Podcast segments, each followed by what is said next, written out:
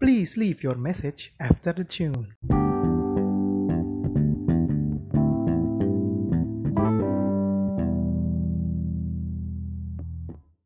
Halo, halo listener semuanya. Selamat datang di episode pertama After the Tune. Asik. Mbak, sama gue, Zahid, dan partner gue nih. Pandu. Asik. Nah, di episode pertama ini kita mau bahas siapa sih? siapa, Du? Jadi kita tuh lagi ngebahas uh, artis yang baru aja ngeluarin album. Ada yang Yoi. tahu nggak? Siapa yang tahu? Bisa jawab nggak? Udah kayak Q&A aja lu, Iya, padahal ya. podcastan. Kali ini kita mau bahas tentang Sal Priadi. Yoi. Yoi. Nah, pertama kita bahas dulu siapa sih Sal Priadi? Yoi. Oh, nggak siapa siapa. Sal Priadi itu nama panggung. Iya iya ya. Mau panggung. Nama aslinya itu namanya Salmantio Asri- Asriski Priadi. Hmm, Dia itu lahir di Malang 30 April tahun 92. Sekarang umurnya 27. Hmm, gak beda jauh lah ya sama lu. namanya. Enggak lah, gue jauh banget sama dia malahan. Oh, Masih 18 gue. 18. Belum boleh berarti 21 kan boleh ya? Boleh ngapain tuh? Ya, you know lah, wink wink yoi. Nah, jadi Sal Priadi ini, lu tahu dia kapan lu? Pertama kali denger? Kalau dibahas dari pertama kali denger sih, gua taunya dari Twitter. Itu kapan tuh? Hmm, tahun lalu lah, pertengahan tahun lalu. Tahun lalu ya. Tahu nggak? Mhm. Sebenarnya dia tuh udah mulai aktif eh, bermusik itu udah lama. Dia udah beraktif bermusik itu dari tahun 2014, di- tapi masih di SoundCloud. 2014. Iya, 2014 ternyata. Wah, udah lama juga ternyata ya. Iya, jadi dia itu, Dua, itu dia udah, yakin? iya, 2014. 2014. Itu Oh, dia pikir. Ya, dia ya. udah bikin dia udah bikin beberapa lagu dan udah banyak diupload juga di SoundCloud itu dari Mhm. 2015 terus kemudian dia baru diajak eh, rilis eh, lagunya as a single itu oleh GZZ Records namanya itu based on Malang kalau nggak salah itu baru tahun 2017 itu rilis pertama dia itu lagu yang judulnya Putusan Itu indie ya? Iya, dia cuma ngeluarin satu lagu. Dan dari yang gue baca, dia sebenarnya itu iseng-iseng aja. Dia nggak nyangka bakal ternyata banyak gitu peminatnya. Iya sih. Jadi sebenarnya pas dia ngeluarin single Keputusan itu, dia udah punya banyak amunisinya sebenarnya. Dia udah ngerekam nyiptain banyak lagu. Lagunya Heeh. Tapi belum Hmm. semuanya dirilis. Jadi, baru Dia- si kultusan aja nih. mm-mm. jadi dia Iya. tuh basicnya dia emang suka nulis puisi, nulis prosa gitu awalnya. Berawal dari situ, coba bikin musik karena dia juga suka. Nah, barulah habis dia rilis single yang pertama, mul- mulai tuh, mulai konsisten ngeluarin. Di 2018, dia ngeluarin Ikat Aku di Tulang Belikatmu, single keduanya. Terus single ketiga, Melebur Semesta, 2018 juga. Terus baru tahun berikutnya dia ngeluarin lagi single keempat, Jangan Bertengkar Lagi Ya, oke, oke. Itu 2019.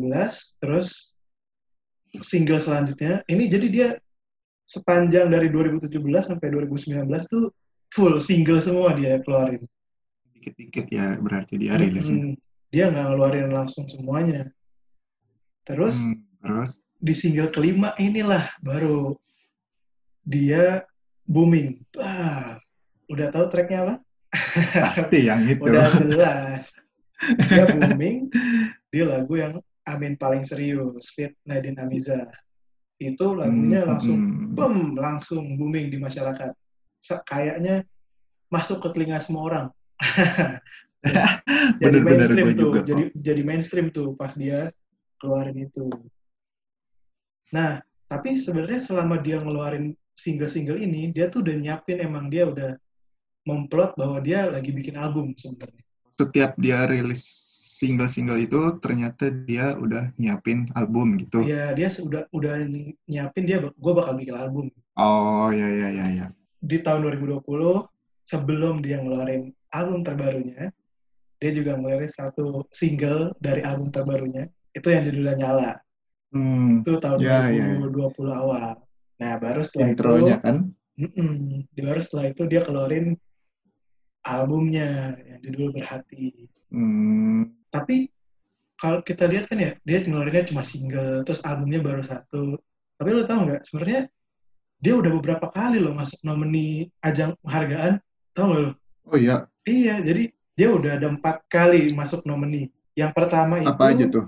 dia artis solo pria pop terbaik di Anugerah Musik Indonesia 2018. Itu dengan Hmm. lagunya yang Ikat Aku di Tulang Belikatmu. Terus di tahun berikutnya masuk lagi di artis solo pria alternatif terbaik Ami juga 2019 di tracknya yang Melebur Semesta. Terus di tahun yang sama, di ajang yang sama juga, dia masuk kategori karya produksi kolaborasi terbaik.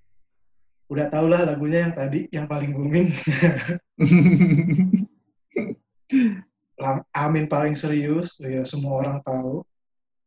Dan di tahun berikutnya dia dapat lagi nih top collaboration song of the year dari Billboard Indonesian Music Award.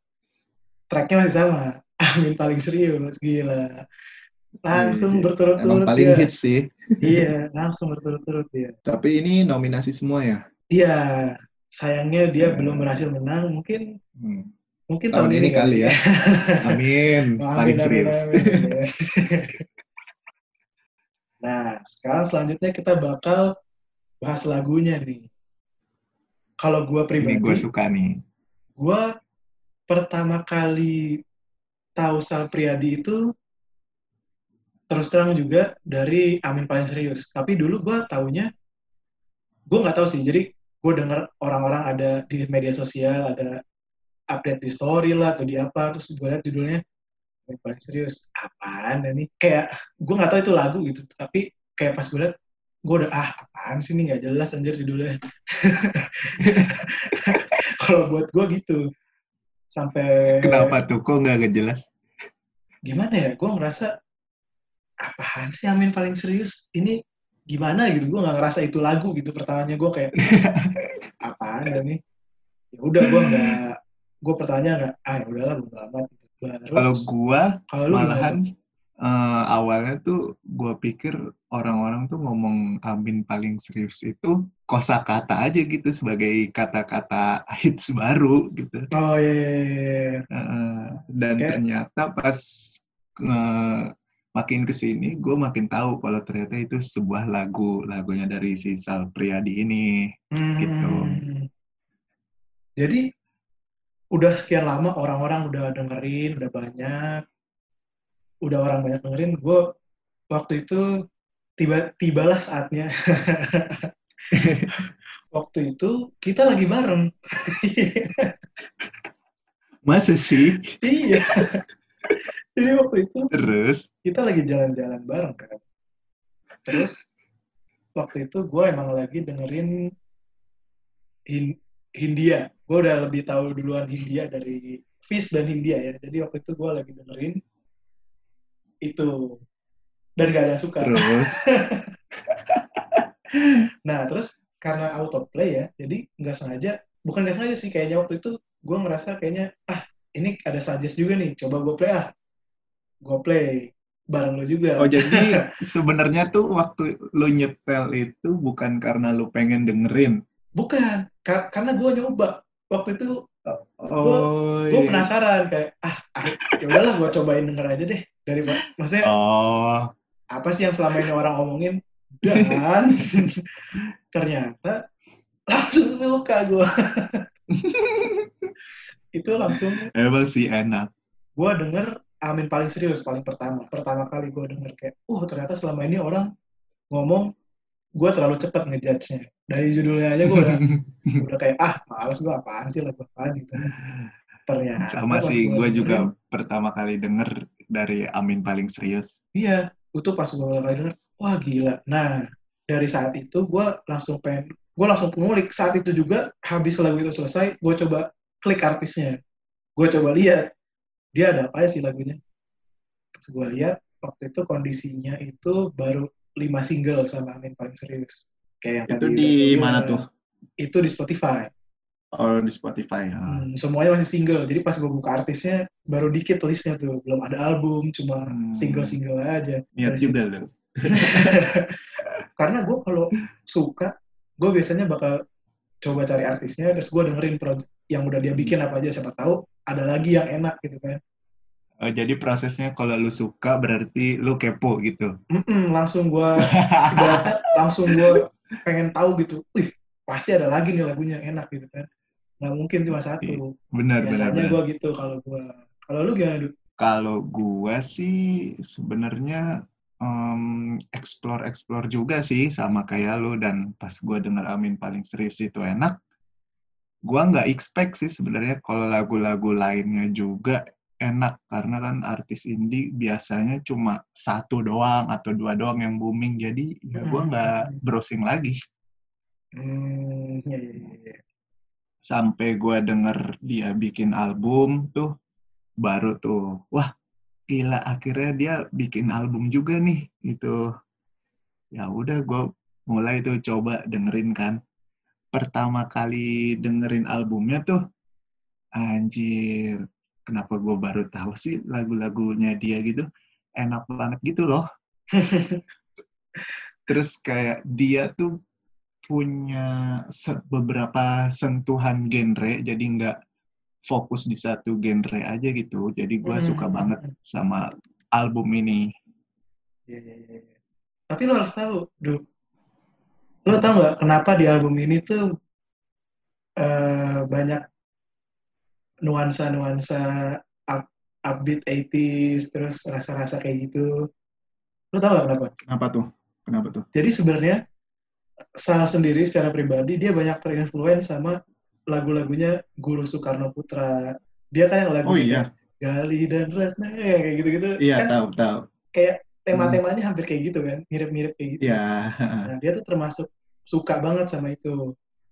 Terus dia juga lirik-liriknya, dia suka karya-karyanya Ismail Marzuki. Jadi, ya wajar lah kalau menurut gue dia kayak lirik yang dia bikin itu kayak kayak tuh kayak tulus kalau gue. Jadi liriknya tuh bukan lirik yang apa ya kastanya rendah lah yang kayak lu ketebak misalkan kayak kau tinggalkan aku sendiri yang kayak ya yang cemen gitulah di apa, pengetahuannya gitu kan Hmm, kalau kayak tulus gitu kan liriknya kadang-kadang kiasan-kiasan tinggi puitis gitu lah ya. Jadi gua nggak heran kalau si Sal ini liriknya juga kalau menurut gua liriknya itu rada bahasanya tinggi lah puitis menurut gua. Kalau menurut lu gimana? kalau menurut gue sih dari segi liriknya gue suka banget karena bagi gue ya lirik-liriknya tuh nggak terlalu ngikutin zaman gitu loh. Kayak nggak terlalu ngikutin tren maksud gue kayak misalnya sekarang Hmm. lagi tren corona nih terus tiba-tiba dia bikin lagu tentang corona nggak gitu Oh, gitu loh jadi nggak sell out ya dia nggak sell out dia tipe Heeh. Heeh. jadi kalau yang apa yang dia tulis itu liriknya bagi gue kayak ini bakalan eh, terngiang sampai kapan pun gitu loh Hmm. long lasting Oke oke, sekarang kita bahas nih albumnya. Dari kema- dari minggu kemarin kita udah mencoba mendalami nih album ini. nih. Kita mau mencoba menikmati nih. Gue mau tahu du- lu dulu deh, dari lu dulu gimana album ini. Dan kita mulai dari track satu deh. oke kalau ngomong-ngomongin dari tracknya nih yang awalnya aja tadi kan gue bilang tuh yang nyala itu gue tuh Hmm. sebenarnya awalnya kaget banget kayak dia tuh bikin sebuah album tapi kayak film gitu loh dia mulai tracknya itu dengan suara kayu bakar dan gue lah kok lagu tapi intronya kayu bakar gitu gue kaget tuh Belum ada instrumennya tuh ya. Belum ada Ah. instrumennya. gue kaget tapi kayak terkesima gitu loh kagetnya Hmm. dan terus dia kayak langsung masukin monolog gitu sambil masih ada suara kayu bakarnya itu dan gua ngerasa wah boleh banget nih kayak lagu kalau diterusin Iya, cuma iya, kan iya. biasanya kan ya kalau intro mah pasti ya pendek lah paling gue pikir cuma si kayu bakar sama si monolog terus lanjut lagu berikutnya ternyata Hmm. enggak ternyata itu sebuah kesatuan sama lagu jadi itu Hmm. langsung nempel sama lagu pertamanya dan gue ngerasa kayak wah cocok banget nih orang kok bisa gitu gitu loh kayak dari sebuah yang gue pikirnya film terus tiba-tiba jadi sebuah karya lagu kayak itu tuh beda banget gitu lah sama yang Iya. yang gue dengerin selama ini Prosesnya kayak cerita gitu ya. Jadi ada Mhm. ada story-nya gitu loh, bukan cuma ya asal tulis lirik aja gitu kan. Iya bener banget. Dan gue sih sebenarnya ngerasanya kayak kalau emang album kan emang intronya kan terus ke lagu-lagu berikutnya kayak nyambung-nyambung gitu ya. Tapi Hmm. kalau ini tuh enggak kayak ya udah dia kayak bikin intro tapi sebuah lagu gitu. Iya.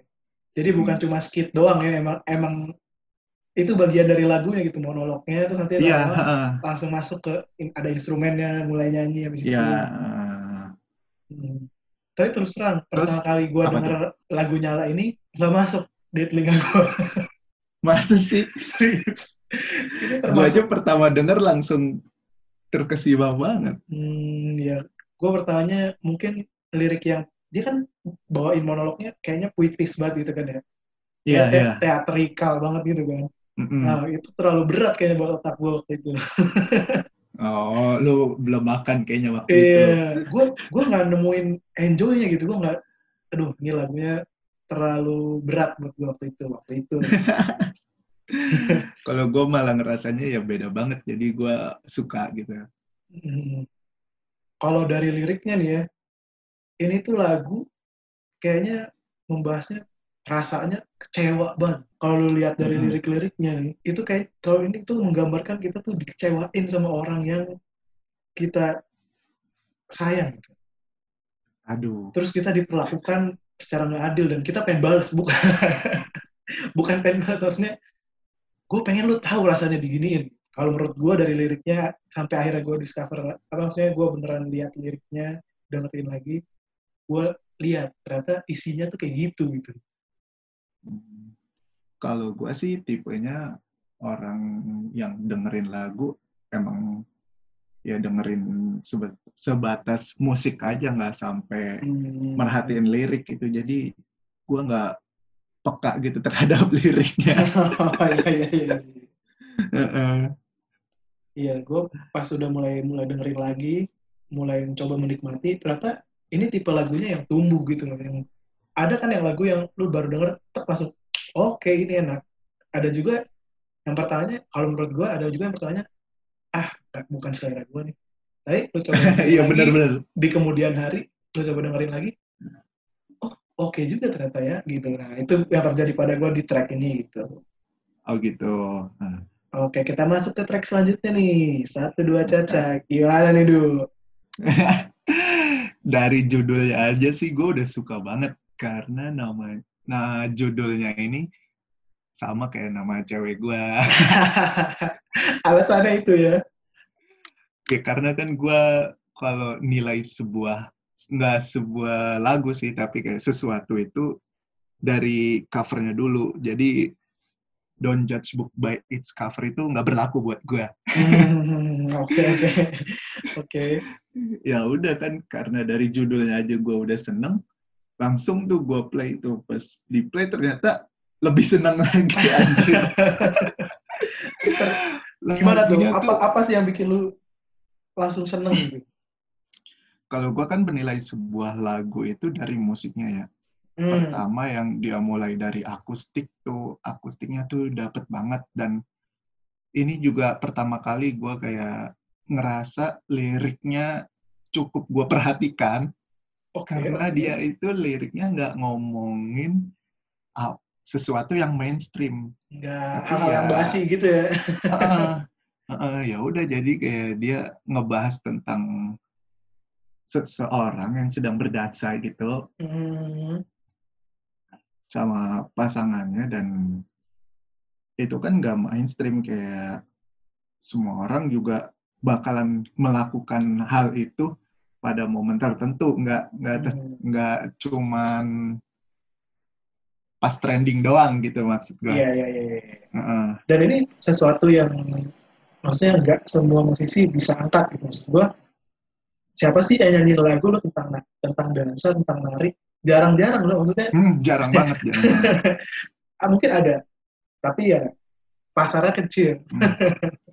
Dan biasanya orang-orang eh, musisi yang menciptakan lagu tentang dansa biasanya ngebawainnya yang nggak akustikan, tapi ini akustikan. Hmm. Dia ngebawain eh, lagunya pakai suasana-suasana Latin gitu dan gue suka Hmm. banget.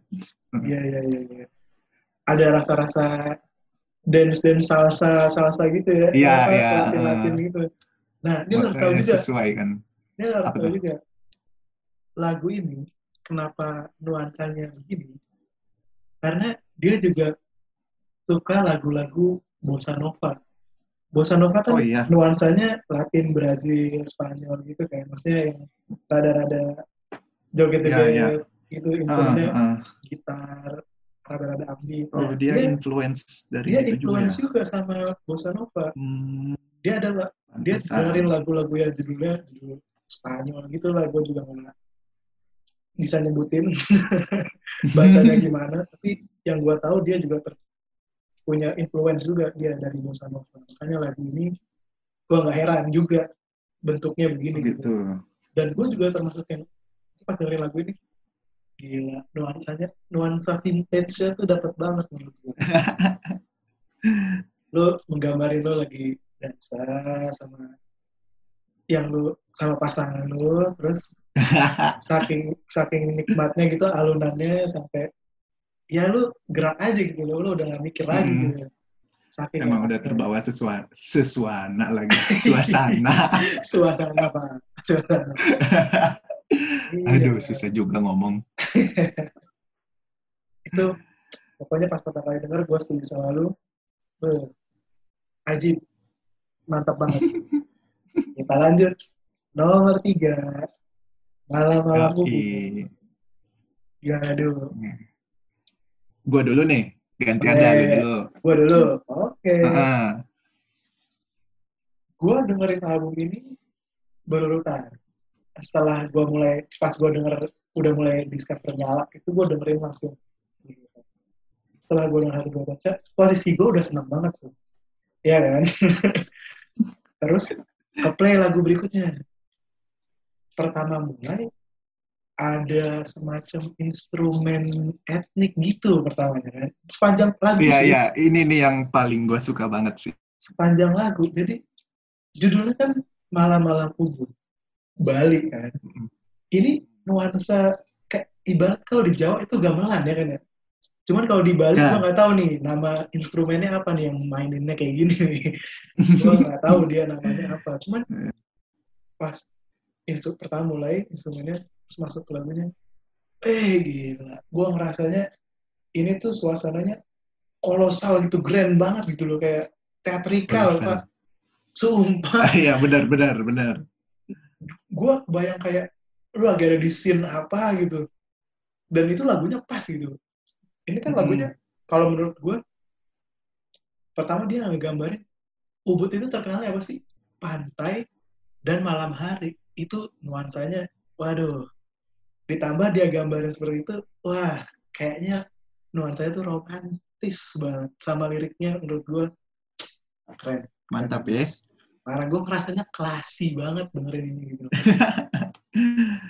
Kalau menurut Kalau dari gua sih yang gua suka dari lagu ini sebenarnya nggak dari lagunya tok doang Hmm. karena gua kan kalau dengerin sebuah album itu berurutan ya nggak gua Hmm. shuffle pas gua dengerin sinyala aja ini udah enak terus pas masuk ke lagu kedua sih yang satu dua caca ini enak gua sebenarnya nggak expect lagu ketiga dan seterusnya bakalan terus enak dan pas gue dengerin lagu malam-malam ubud ini wah ini kan dia udah bawain genrenya beda lagi dan gue Hmm. suka banget nih sama lagu ini karena kenapa waktu itu gue waktu zaman SMA kan jadi anak band tuh yoi asik. terus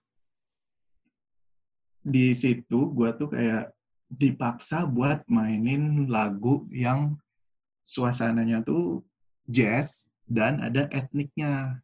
Oh, Waktu itu keren uh, juga ya. Maksudnya dari SMA lu udah disuruh main yang pasarnya spesifik gitu. iya makanya Pasarnya gue juga nggak awalnya nggak tapi ngerti. keren. Awalnya gue nggak ngerti. Padahal dulu gue pas SMP tuh anaknya metal banget. Tiba-tiba ke SMA terjun ke orang-orang yang suka jazz. Udah segitu suka jazz, tiba-tiba disuruh main etnik juga. Ya udah kayak gue tuh dari SMA sampai sekarang kalau dengerin lagu-lagu etnik tuh seneng banget. Dan pas gue dengerin lagu ini, wah udah deh cocok banget jiwa gue di lagu ini. Jadinya relatable ya. Iya makanya jadi gue merasa nostalgia sama Hmm. zaman SMA. Tapi emang keren. Nih harus gua akuin keren. Kita lanjut. Mm-mm. Track keempat. Di timur. Gimana menurut lu? Kalau gue sih karena gue udah ngerasa track 1, 2, 3 ini udah bagus banget, gue Mhm. ngerasa pasti track berikutnya bakal tetap gitu loh stagnan maksudnya tapi stagnannya dalam artian bagus gitu. Ya, oh, Cuma gue belum ngerasa ada perubahan dari genrenya lagi yang bikin gue Hmm. bisa suka banget ini kurang track stand out itu ya buat lu maksud gua, maksud gua ya ini enak cuman ini bukan satu yang spesial karena yang tiga pertama tadi kan Ya, menurut lu lumayan spesial tuh kan. Oke oke oke. Gitu. kalau menurut gua ini masih sama. Jadi kebanyakan lagu dia emang kan dibawainnya nuansanya ya itu ada cello atau biola ditambah gitar ditambah beat drumnya. Jadi nuansanya orkestra tapi popnya juga masih ada. Di lagu ini gua rasa popnya cukup lebih berasa. Tapi nggak ninggalin Hmm. si orkestranya ini menurut gua Dan di Oh. lagu ini juga etniknya masih no, muncul juga lumayan kuat. Mm-mm. ini termasuk lagu yang udah dia bawa sejak lama jadi ini lagu udah lama nih sebenarnya sampai Oh, akhirnya masuk ke album ini dan di lagu ini ini ngegambarin hubungan LDR relate Oh. banget sebenarnya sama lu kalau lu kalau lu perhatiin liriknya Wadah. ini mereka tuh rasanya Gimana? pengen ketemu mereka udah kangen banget tapi jadi Hmm. saking kangennya lu chat chat itu nggak nggak ngobatin itu loh lu pengennya ketemu Nah, gitu. Iya, itu kan relatable banget kalau LDR berhubung gua nggak ada dan gua nggak LDR jadi gue bisa ngebayangin doang Gue sih nggak kebayang sih, soalnya gue nggak ngerasa kangen karena lagi wabah gini. bukan sekarang Eh, settingnya kan Oh, nggak lagi iya. corona pak ya gue ngerasanya kalau sekarang-sekarang ini yang penting pasangan gue selamat aja gitu. iya sama-sama sehat aja yang penting ya Ah, ah. kalian juga nih belakangan. listeners di rumah aja di rumah aja dengerin dengerin after the tune ya jangan pergi-pergi Ah, santai aja di rumah ya kalian tetap di rumah, kita tetap bacot. kalian dengerin bacot kita oke lanjut track Lanjut. kelima melebur semesta menurut lu ini ada sesuatu yang menonjol nggak sih menurut lu gue nggak terlalu dengerin track ini sih, tapi Hmm. dari judulnya, karena gue orangnya doyan judul, ya gue suka judulnya sih. hmm. kalau gua kalau dari lagunya, menurut Mhm. gue masih kurang. nggak terlalu stand out juga buat lu ya Ya, heeh. Ah. terlalu. Gue mendengar melebur semesta ini dari pas masih single kalau gue Oh, ya pantes sih lo. Hmm, kalau dan gua seperti kan dengernya biasa dia album. pembawaannya dominannya suara piano terus nuansanya romantis seperti biasa dengan suara Mhm. temeninnya di biola cello gitu dan vokalnya di lagu ini menurut gue pas banget tapi yang lo harus tahu lagu ini aslinya sensual banget cuy. Kalau lu baca ini liriknya. Liriknya. liriknya tuh ngegambarin wink wink lah lo tau lah. Oh gitu. iya kalau lu lihat tapi kita yang dengerin nggak ngerasa nggak ngerasa jijik gitu loh. Nggak bukan yang tipe kayak Hmm. iya apaan sih? gitu. Enggak nih gue sebutin liriknya gitu ya Ka- Hmm. ya dari awal awal banget nih dengar irama denyit dipan kita Wadaw. terus lanjutannya eh peluh keringatmu jatuh di kedingku Tapi gue ngerasa dia keren sih kayak dia ngebuat sebuah lagu yang sensual tapi dengan lirik yang iya iya uh, classy, classy gitu. Ah, ah. terus kayak eh di situ kan kayak eh ku rebahkan kamu, ku rebah, ah, kau merebahkanku gitu kan kayak kita dengarnya biasa aja gitu loh, nggak yang kayak ih apaan nih? Gue juga nggak nyadar sih pas ngeplay gitu. Gue pas pertama kali, fokusnya musik. hmm, gue pas pertama kali denger, buset, ini lagu kane amat, kanenya literally kane gitu. Gue pertama denger, ya ampun, Aduh, nah kalau bos nih. bisa aja anjir. Itu yang kenapa lagu ini stand out buat gue karena Hmm. dia bisa nyampein sesuatu yang ibaratnya sebenarnya eksplisit tapi di satu sisi nggak eksplisit itu nyampein gitu jadi kalau lain kali denger Sabi, coba denger nanti siapa tahu kebayang. Ya gue denger tapi lupa gitu aku nggak terlalu ini peduli sama lirik gue Hmm. orangnya. Gue sadar langsung senyum senyum gue denger. Oke Lanjut. itu lanjut. Kultusan. Ini legendary nih single pertama rilis masuk album juga tapi sebenarnya gue mau nanya dah Mhm. kultusan tuh artinya apa sih? Kalau secara semantik yo semantik.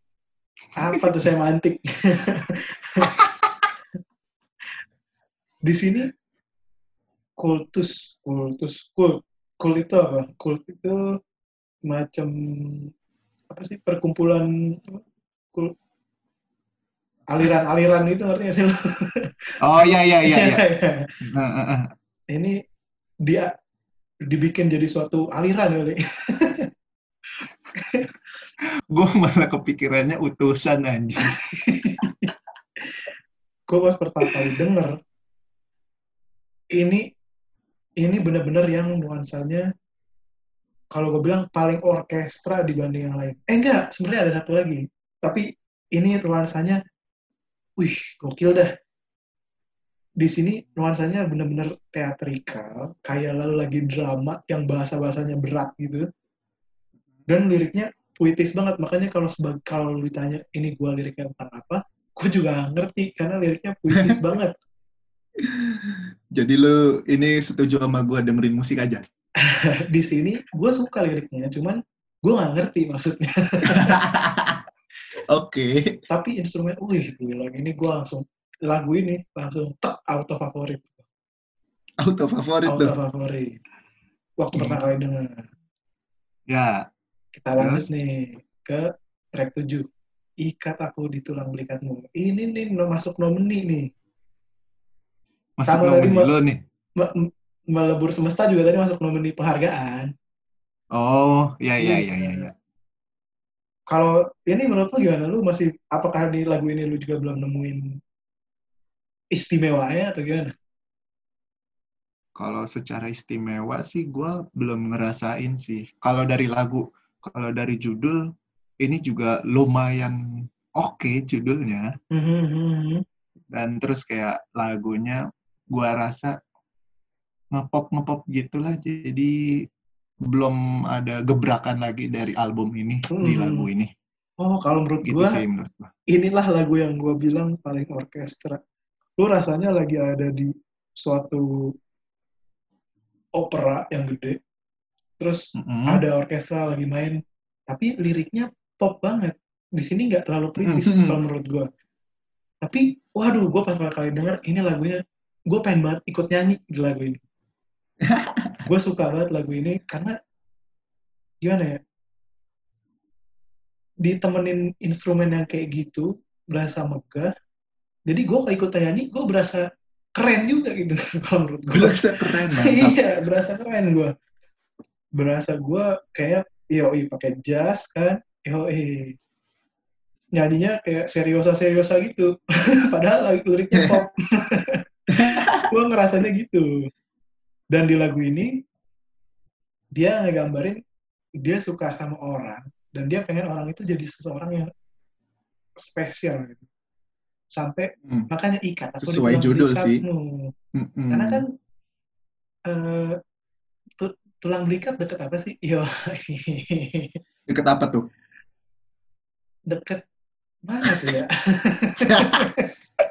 deket jantung Deket leher, Pak. Bos. deket jantung Deket leher. belikat di mana sih Ini di punggung, eh apa namanya? Bahu, bahu. yang di belakang kan plat yang di belakang bukan Heeh, heeh. iya itu maksud gua kan depannya jantung Oh, oh ya udah ya. alasan dulu iya di sini dia gambarin itu dan gue suka karena gue ikutan nyanyi di lagu ini Hmm, lanjut. lanjut ini track ke-8 lagu paling hits paling hits Paling booming. iya lo mau bahas nggak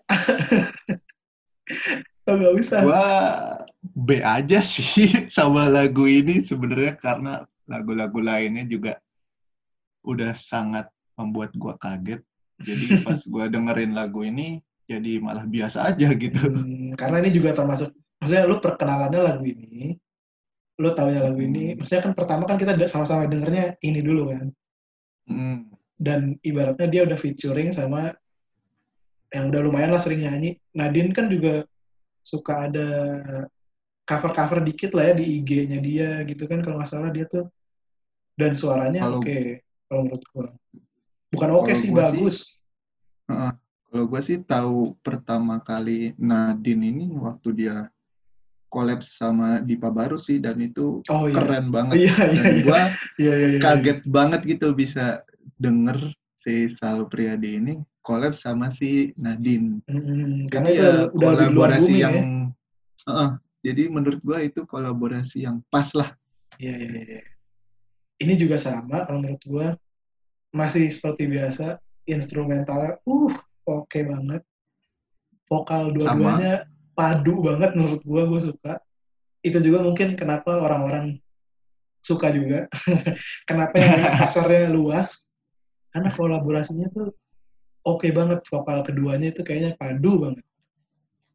Dan kembali liriknya tuh puitis banget kalau di sini. Dia waduh bahasanya tinggi-tinggi banget dah. Gue Ada- pikir pop. sebenarnya mungkin rada-rada pop juga kali ya. Cuman instrumennya tuh tetap berasa gitu orkestranya menurut gue. Kalau instrumen tuh nggak perlu ditanya lah album ini tuh kata- kayaknya Emang nuansanya gitu ya. megah banget nah, Iya, megah iya, iya. banget. Sampai-sampai bingung gua mau milih lagu yang terbaik mana gitu. Iya, iya, iya. Di lagu ini juga ya penggambaran kayak eh gue kagum sama lu, lu gue kagum sama lu, tapi lu ngerasa lu banyak kurangan dan di sisi lain dia juga gitu. Gue kagum sama lu, tapi gue ngerasa gue banyak kurangan gitu. Eh, Jadi nggak kelar-kelar ya? iya, nggak kelar. Kayak kesan lu ya? Aduh. Tolong posisikan. lanjut lanjut. Lanjut. Track 9 dalam dia. Nah, ini Ini gue yang kayaknya cerita ya karena Iya, gue yang boleh, suka boleh. banget. gimana gimana gimana. Jadi di track ini tuh setelah gue mendengarkan track dari 1 sampai 8, akhirnya Hmm. dia berubah lagi tipe-tipe suasananya. Iya iya iya. Dia tiba-tiba ngebawain dengan suasana disco, lagu disco jadul Mm, mm, mm, 80-an, 90-an dan kena banget sih menurut gue kayak walaupun nggak terlalu nyambung sama genre-genrenya di lagu-lagu sebelumnya, mm, tapi kayak ini tuh masih termasuk satu bagian di si album Berhati ini karena menurut gua em, gimana ya si disco-disco ininya tuh masih ada sentuhan dari pop sama dari etniknya dan Hmm. apalagi orkestranya ini yang paling kental di album ini. Mhm, Jadi kayak ngelebur tuh semuanya jadi iya, iya, satu. iya. Hmm. Tapi diskonya ini nggak nggak hilang bersama leburan itu, Iya, malah iya, iya. paling kental di sini. tetap Jadi nonjol ya, tetap nonjol Ah, disco ya. makanya jadi gue ngerasa lagu yang ini tuh terbaik bagi Hmm, gue hmm. gitu Eh, enak banget dah dan di lagu ini gue ngerasa badan gue tuh goyang-goyang sendiri joget sendiri Oh. Nah, di lagu ini yang tadi gue bilang, influence Guru Soekarno Putra, Faris RM-nya dia berasa banget kan di sini. Hmm, ini ada itu scene bukan sih? Pokoknya itulah. atau udah Pokoknya instrumen-instrumennya berasa banget zaman-zaman keyboard lah pokoknya Iya, pokoknya itu bunyi keyboard. Nggak tahu di setting apa. Berasa juga ini vintage-nya sama sama satu dua caca nih rasanya hampir satu era gitu. Enak banget gitu. iya sih di Sambil- lagu ini kayak gue ngerasa si eh, Sal Priadi ini kayak ada mirip-miripnya lah sama lagu Faris RM Iya, iya kan? Maksudnya influence-nya berasa banget. Dan Hmm. dibawainnya enak. Jadi di satu sisi dia nggak terlalu ngejiplak yang Mm-mm. jadul, tapi Mm. nggak terlalu dimodernin juga. Jadi maksudnya bagus dia ngebawainnya gitu loh. Maksudnya pas aja gitu loh bawainnya menurut gua. cocok juga di zaman Hmm. sekarang Mm-mm-mm. Kan lagi sekarang juga dari akhir tahun kemarin sampai awal tahun ini tuh emang lagi mulai in lagi nih bawa-bawain tema-tema 80s, 70s gitu lagi. iya Dan benar early banget 90s benar juga lagi naik banget gitu kan. Hmm. Bukan cuma di Indonesia, di luar juga gitu loh. Maksudnya emang mungkin lagi balik lagi nih era-era nostalgia kayaknya. nggak tahu gue juga kenapa dibalikin lagi zaman dahulu ke zaman sekarang tapi enak Iya, iya, iya, iya, bener. Dan sekalian kita bahas juga, lagu-lagu yang dulu di-play lagi di sekarang, dan yang generasi sekarang pun masuk ya. Itu yang hebat maksud gue. Mm-mm. Everlasting banget gitu loh lagunya yang dulu ternyata. Sampai generasi yang gue juga baru pernah suka. denger kan nah, gue pernah dengar suatu wawancara sebuah band gitu kayak Mhm, ditanya nih sama penonton atau apalah lupa gue Iya, netizen iya. lah pokoknya Ah, Pokoknya netizen ya. ditanya hmm, sebenarnya eh, seorang eh, musisi itu gimana sih dia bisa mempertahankan keeksistensiannya gituan gitu. Mhm, mhm, mhm. Terus kebetulan yang jawab ini Noah Aril. Oke, oke. Dia bilang, "Mm-mm." dia bilang untuk mempertahankan eksistensi itu berarti dia lagunya harus bisa didengerin oleh semua generasi. Jadi nggak cuma anak muda doang, orang tua doang, anak-anak doang, tapi harus bisa dinikmati oleh semua generasi. Ketika sebuah lagu bisa dinikmati oleh semua generasi, berarti lagu tersebut bakalan bertahan selama eh, Selama apa masalah selama ya selamanya aduh bingung gua ngomong. Ya gitu. Jadi Iya, bakal umurnya panjang lah tuh lagu itu ya. mm, mm, mm, gitu Oke, lanjut track 10 Jelita. Kalau gue terus terang di sini hampir habis dapat dalam diam, gue denger Jelita, oke, ini lagu enak. Lagunya tetap instrumental, tetap gak usah ditanya. Cuman tenggelam menurut gue. Maksudnya kalau gue menurut gue pribadi, gue nggak terlalu merhatiin nih track nomor yang nomor 10 ini nih. kalau dari gua sih di track ini kayak gue udah terlalu menikmati track-track sebelumnya pas di track ini kayak ya udahlah nggak apa-apa track penutup nggak harus terlalu bagus nggak apa-apa gitu Nah, lanjut ke track 10. Gue nggak 11, nyangka. coy. Oh, 10, 11. Sorry, sorry. Gue Hmm, sampai terakhir hitung nih. Gue nggak nyangka diakhiri dengan full instrumental.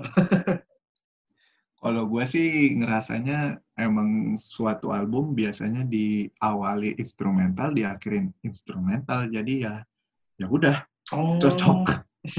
Mm. Kalau gue sih pas gue coba dengerin, emang sih rasanya berasa outro banget gitu ya. Maksudnya Heeh. di akhir album lu ya udah lu chill aja lu dengerin instrumen sambil mengantar lu selesai meng experience album ini gitu kan. Ini yang mengantarin lu ke pintu keluar. Cuma gue tuh ngerasanya lagi-lagi gue ngelihat dari judul. Hmm. Apa coba nyalak anjir. Kenapa sih dia ju- namain judul pakai nyalak pakai K gitu? Kenapa Hmm. coba? gue juga nggak tahu mungkin nyala tapi ngapa kali nyala lah nyala Waduh. Ya pokoknya gue di sini gue ngerasa si Sal Priadi grafiknya turun lah. Mungkin Hmm. karena emang emang penutupan kali outro Iya, dia mungkin nggak tahu mau emang- namain apa. apa progresnya di bawah turun kan udah udah klimaks sampai di ba- bawah di atas terus Tapi Cia. kalau dari musik sih gue tetap ngerasa oke dia. Iya Cuma judulnya aja. Kenapa nyala? Eh, itu doang ya tolong Sal Mm-mm. jelasin Sal ini kenapa sih nyalak Sal kalau Mm. dengerin Bagi penganut yang ngelihat dari judul duluan, kita merasa terhianati. ini apaan gitu ya pas Hmm, pas lu cari juga nggak ada ya iya, gue sempet cari anjir di KBBI, nyalak apa sih gue kepo? Nggak ada Nggak anjir. ada artinya. kita jadi masih misteri ini nanti tolong ya Sal ya tolong di tolong di inilah Jelasin. dijelasin tolong. Nah, cuma ada satu lagu yang nggak masuk nih di album ini dari single-single dia. Yang Dan ini juga lagu yang nggak gue dengerin. Gue juga nggak tahu kenapa. Sebenarnya kalau dibilang tema ya mungkin masih masuk, cuma mungkin judulnya ya, judulnya agak maksudnya kan kalau di sepanjang lagu ini judulnya kayaknya puit- puitis gitu ya. Kan ini kan ini rada lebih relatable, maksudnya lebih ke daily life gitu lah judulnya. Iya, kayak gue juga merasa Jangan bertengkar emang lagi ya. cocok sih. Oke. Judulnya. Oke, itu kan aneh gitu. Lu Mm-mm. di sepanjang lagu ini puitis semua, tiba-tiba ada judul kayak gitu. eh, mungkin itu penyebabnya dia nggak dimasukin. Bikin turun Iya, grafik. nggak masuk temanya. Dan Mm-mm. di beberapa lagu juga dia ada yang ada aransemennya dirubah di kan di sebelumnya kultusan melebur semesta sama ikat tabuli tulang belikatmu itu kan single. Itu Hmm. lumayan agak berbeda sedikit aransemennya. Ka- karena gue ngerasa di kultusan terutama dia itu tadinya rada lebih bold itu apa instrumennya lebih oh, oh lebih kayak menggebu-gebu gitu. Nah di album ini dia ada lebih dikebelakangin dia lebih nonjolin vokalnya. Kalau gue ngerasanya gitu ya. Oh, beda ya? menurut gue rada sebenarnya hampir-hampir mirip cuman lu berasa lah kalau gue merasa dia itu ada perbedaan sedikit banget tapi Hmm, mainnya masih sama cuman rada-rada ada perbedaan lah dikit mungkin disesuaikan juga sama tema instrumen album ini ya. iya sih, pasti sih. Mm-mm. Itu aja sih yang gue point out. Nah, nih kita sampai bagian paling menarik nih, paling interaktif bagian ini menurut gue. Buat orang-orang nih yang pertama kali mau dengerin nih Sal Priadi, mungkin denger dari kita, atau sebenarnya dari kemarin udah denger, cuman belum cobain. Nah, gue mau tahu nih, rekomendasi lu nih, apa yang, track apa yang harus didengar buat sama orang ini biar bisa, oh, eh, ini enak nih, maksudnya biar orang jadi pengen lebih mengeksplor nih Sal Priadi nih. Coba gue hmm, top 3 kali ya. Top 3 cukup nggak nih? Top three, atau, top atau, three di- atau 5? atau 5? Tiga aja ya? Lima, mau lima. Tiga aja lah ya. Tiga aja boleh. Tiga. Dari lu dulu deh, dari lu dulu. Dari semua Kalau projectnya sama dari dari album gua- ini. Gimana nih? dari keseluruhan sih, gue cuma denger album ini doang dan gue nggak ngedengerin single-singlenya. Jadi gue Mhm. nggak tahu ada perbedaannya apa. Mhm. Jadi di album ini tuh secara berurutan gue paling suka yang pertama itu satu dua caca Oke, karena nomor satu ya. karena uh, Oke. gue suka banget sama genrenya yang Latin Latin Indohoy. Hmm, Oke. Terus juga di urutan kedua gue taruh dalam diam Oke, oke. karena ini genre-genre Indohoy-nya lebih Yahud. Oke.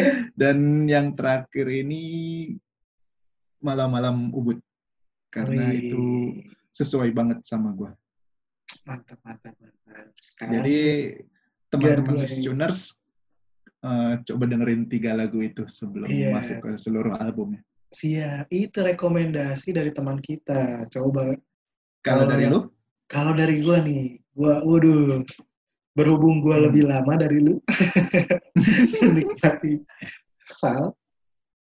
Kalau dibilang top paling top gua sebelum ada album ini apa tuh? itu kultusan. Kultusan Mm-mm, top. Tapi sebelum Gua ada tahu. album ini. uh-uh, tapi gue Ya. tahu ini pasarnya kecil. Hmm. lagu ini menurut gue pasarnya kecil nggak bisa masuk di telinga orang lah nggak terlalu nggak terlalu gimana gitu tapi sebenarnya sih kalau dibilang ya emang semu- semua project dia bukan tipe yang semua orang bisa sih ya nggak sih lu menurut lu Hmm. maksudnya Kalau di albumnya iya kayak susah banget lah diterimanya. Maksudnya Nggak nggak Eh, susah banget juga sih. maksudnya eh, Karena ini lagu-lagunya tuh kayak harus enak, punya guys. cita rasa musik yang rada tinggi gitu maksud gue kalau lu sukanya pop pop picisan gitu kan ya lu nggak bakal masuk kan masuk ke Iya, lagu-lagu yang kayak gini gitu kan kalau diambil secara keseluruhan rata-rata kan orang Indonesia sukanya pop sama Melayu. Makanya tuh lagu yang Amin paling serius tuh booming banget kalau menurut gua sih. Hmm, karena paling pop ya menurut gua ya. oke oke oke oke terus dulu nih gue curang nih gue ngasihnya tiga enam Apa apa? gue ngasihnya enam jadi ya udah lu urutin tuh. dulu Dari enam itu tiganya apa? tiga pertama itu sebelum album ini ya kultusan ikat aku di tulang belikatmu Hmm, sama mikir. du- dulu tuh yang paling oke dua deh ternyata itu doang Ya udah keseluruhan lah pokoknya sebutin nah tiga. sekarang nih setelah gua denger album ini wih gua Mhm. nemu favorit baru favorit baru Apa tuh? Gua taruh di urutan paling pertama lagu yang paling gua suka dari project ini malam-malam ubud wah sahdu abis pak Emang kane Oh. banget sob. nomor wahid gua Hmm, sesuai nama lu ya. terus di posisi kedua gua taruh dalam dia Oke. karena rasanya tadi udah dibilang nostalgianya upbeat diskonya itu enak Mm-mm. banget eh sebenarnya paling oke mantap. du- kedua dan ketiga ini rada bingung gua tapi ya anggap aja mereka sama satu Hmm. lagi sebenarnya list tiga kita sama persis cuma Oh sama. sama persis cuma Beda urutannya- urutan aja ya. urutannya di ketiga satu dua caca bossa nova Hmm. latinnya uh harus coba dengerin mungkin emang nggak masuk ke telinga semua orang tapi itulah tiga favorit Pandu dan tiga favorit gua semoga kalian bisa memulai mengeksplor karya-karyanya Sal Priadi nih dan siapa tahu ikut suka juga. Nah, nih kita sampai bagian paling menarik nih, paling interaktif bagian ini gue. Buat orang-orang nih yang pertama kali mau dengerin nih Sal Priadi, mungkin denger dari kita, atau sebenarnya dari kemarin udah denger, cuman belum cobain. Nah, gue mau tahu nih, rekomendasi lu nih, apa yang, track apa yang harus didengar buat sama orang ini biar bisa, oh, eh, ini enak nih, maksudnya biar orang jadi pengen lebih mengeksplor nih Sal Priadi nih. Coba gue hmm, top 3 kali ya. Top 3 cukup nggak nih? Top three, atau, top atau, three di- atau 5? atau 5? Tiga aja ya? Lima, mau lima. Tiga aja lah ya. Tiga aja boleh. Tiga. Dari lu dulu deh, dari lu dulu. Dari semua projectnya sama dari dari album gua- ini. Gimana nih? dari keseluruhan sih, gue cuma denger album ini doang dan gue nggak ngedengerin single-singlenya. Jadi gue Mhm, nggak tahu ada perbedaannya apa. Mhm, Jadi di album ini tuh secara berurutan gue paling suka yang pertama itu satu dua caca Oke, karena nomor satu ya? karena heeh, Oke. gue suka banget sama genrenya yang Latin Latin Indohoy. Hmm, Oke. Terus juga di urutan kedua gue taruh dalam diam Oke, oke. karena ini genre-genre Indohoynya lebih Yahud. Oke. Dan yang terakhir ini malam-malam ubud karena Wih, itu sesuai banget sama gue. mantap, mantap, mantap. Sekarang Jadi teman-teman listeners eh, coba dengerin tiga lagu itu sebelum Iya. masuk ke seluruh albumnya. siap, itu rekomendasi dari teman kita. Coba Kalau Kalau dari lu? kalau dari gua nih, gua waduh berhubung gua Hmm. lebih lama dari lu menikmati sal malam-malam ubud. Wah, sahdu abis, Pak. Emang kane Oh. banget so Nomor wahid gua. sesuai nama lu ya. Terus di posisi kedua gua taruh dalam dia Oke. karena rasanya tadi udah dibilang nostalgianya, upbeat-upbeat diskonya itu enak Mm-mm. banget. Eh Emang sebenarnya gua oke mantap. du- kedua dan ketiga ini rada bingung gua, tapi ya anggap aja mereka sama. Satu Hmm. lagi sebenarnya list tiga kita sama persis. cuma Oh sama, sama persis, cuma beda urutan urutannya, aja ya. urutannya. di ketiga satu dua caca bossa nova Hmm. latinnya uh harus coba dengerin. Mungkin emang nggak masuk ke telinga semua orang tapi itulah tiga favorit Pandu dan tiga favorit gua. Semoga kalian bisa memulai mengeksplor karya-karyanya Sal Priadi nih. Dan siapa tahu ikut suka juga. Nah sebelum mengakhiri nih episode kita hari ini, gue mau shout out buat sumber-sumber research gue. Selain pendapat pribadi, gue kan juga ada yang look up di kita research dulu. Ini gue mau shout out buat chat at dust di WordPress. Ini ada obrolan bareng. Kalau nggak salah nama segmennya tuh obrolan bareng. Itu obrolan bareng Sal. Itu dia by eh Hafri eh, apa nih namanya? Hafriarina Sufa Rebowo dan Anissa Maharani. Terima kasih. Gua tahu informasi ini dari kalian. Sukses terus.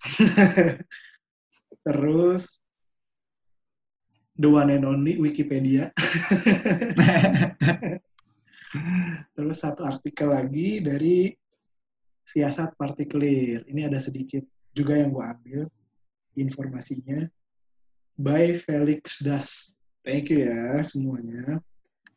Terus, oh iya, Ma ini. Kita nggak bisa cuman kreditin salnya doang. Karena setelah gue explore ini, gue suka banget. Jadi, gue mau out buat tim produsernya. Yang paling dominan sering gue lihat buat Mahatam Tama, dia anggotanya Koldia, sama Lava Pratomo. Wah, Lava Pratomo ini, Du, dia Kenapa? produserin lagunya Dalam Diam dan Satu Dua Caca. oh iya, Iya. Jadi, waduh terima kasih banget terima berarti buat kasih Lava mereka. Pratomo. Shout buat lo yang produsnya bagus banget. Dan Sal juga yang aransemen dan liriknya juga top banget. Terima kasih. Mahatam Tama Waduh, juga. Dan, favorit kita ternyata Hmm, ada di balik iya. kartunya ya. Iya, ternyata dia dua track yang kita suka dia produsernya pak. iya, jadi dan buat seluruh tim produsernya thank you. Sal juga sukses terus. Semoga ke depannya bisa terus berkarya dan siapa tahu dengan dengan dengerin kita banyak yang mulai masuk menikmati Sal. Itu aja Oke, dari jadi kita. eh, segitu.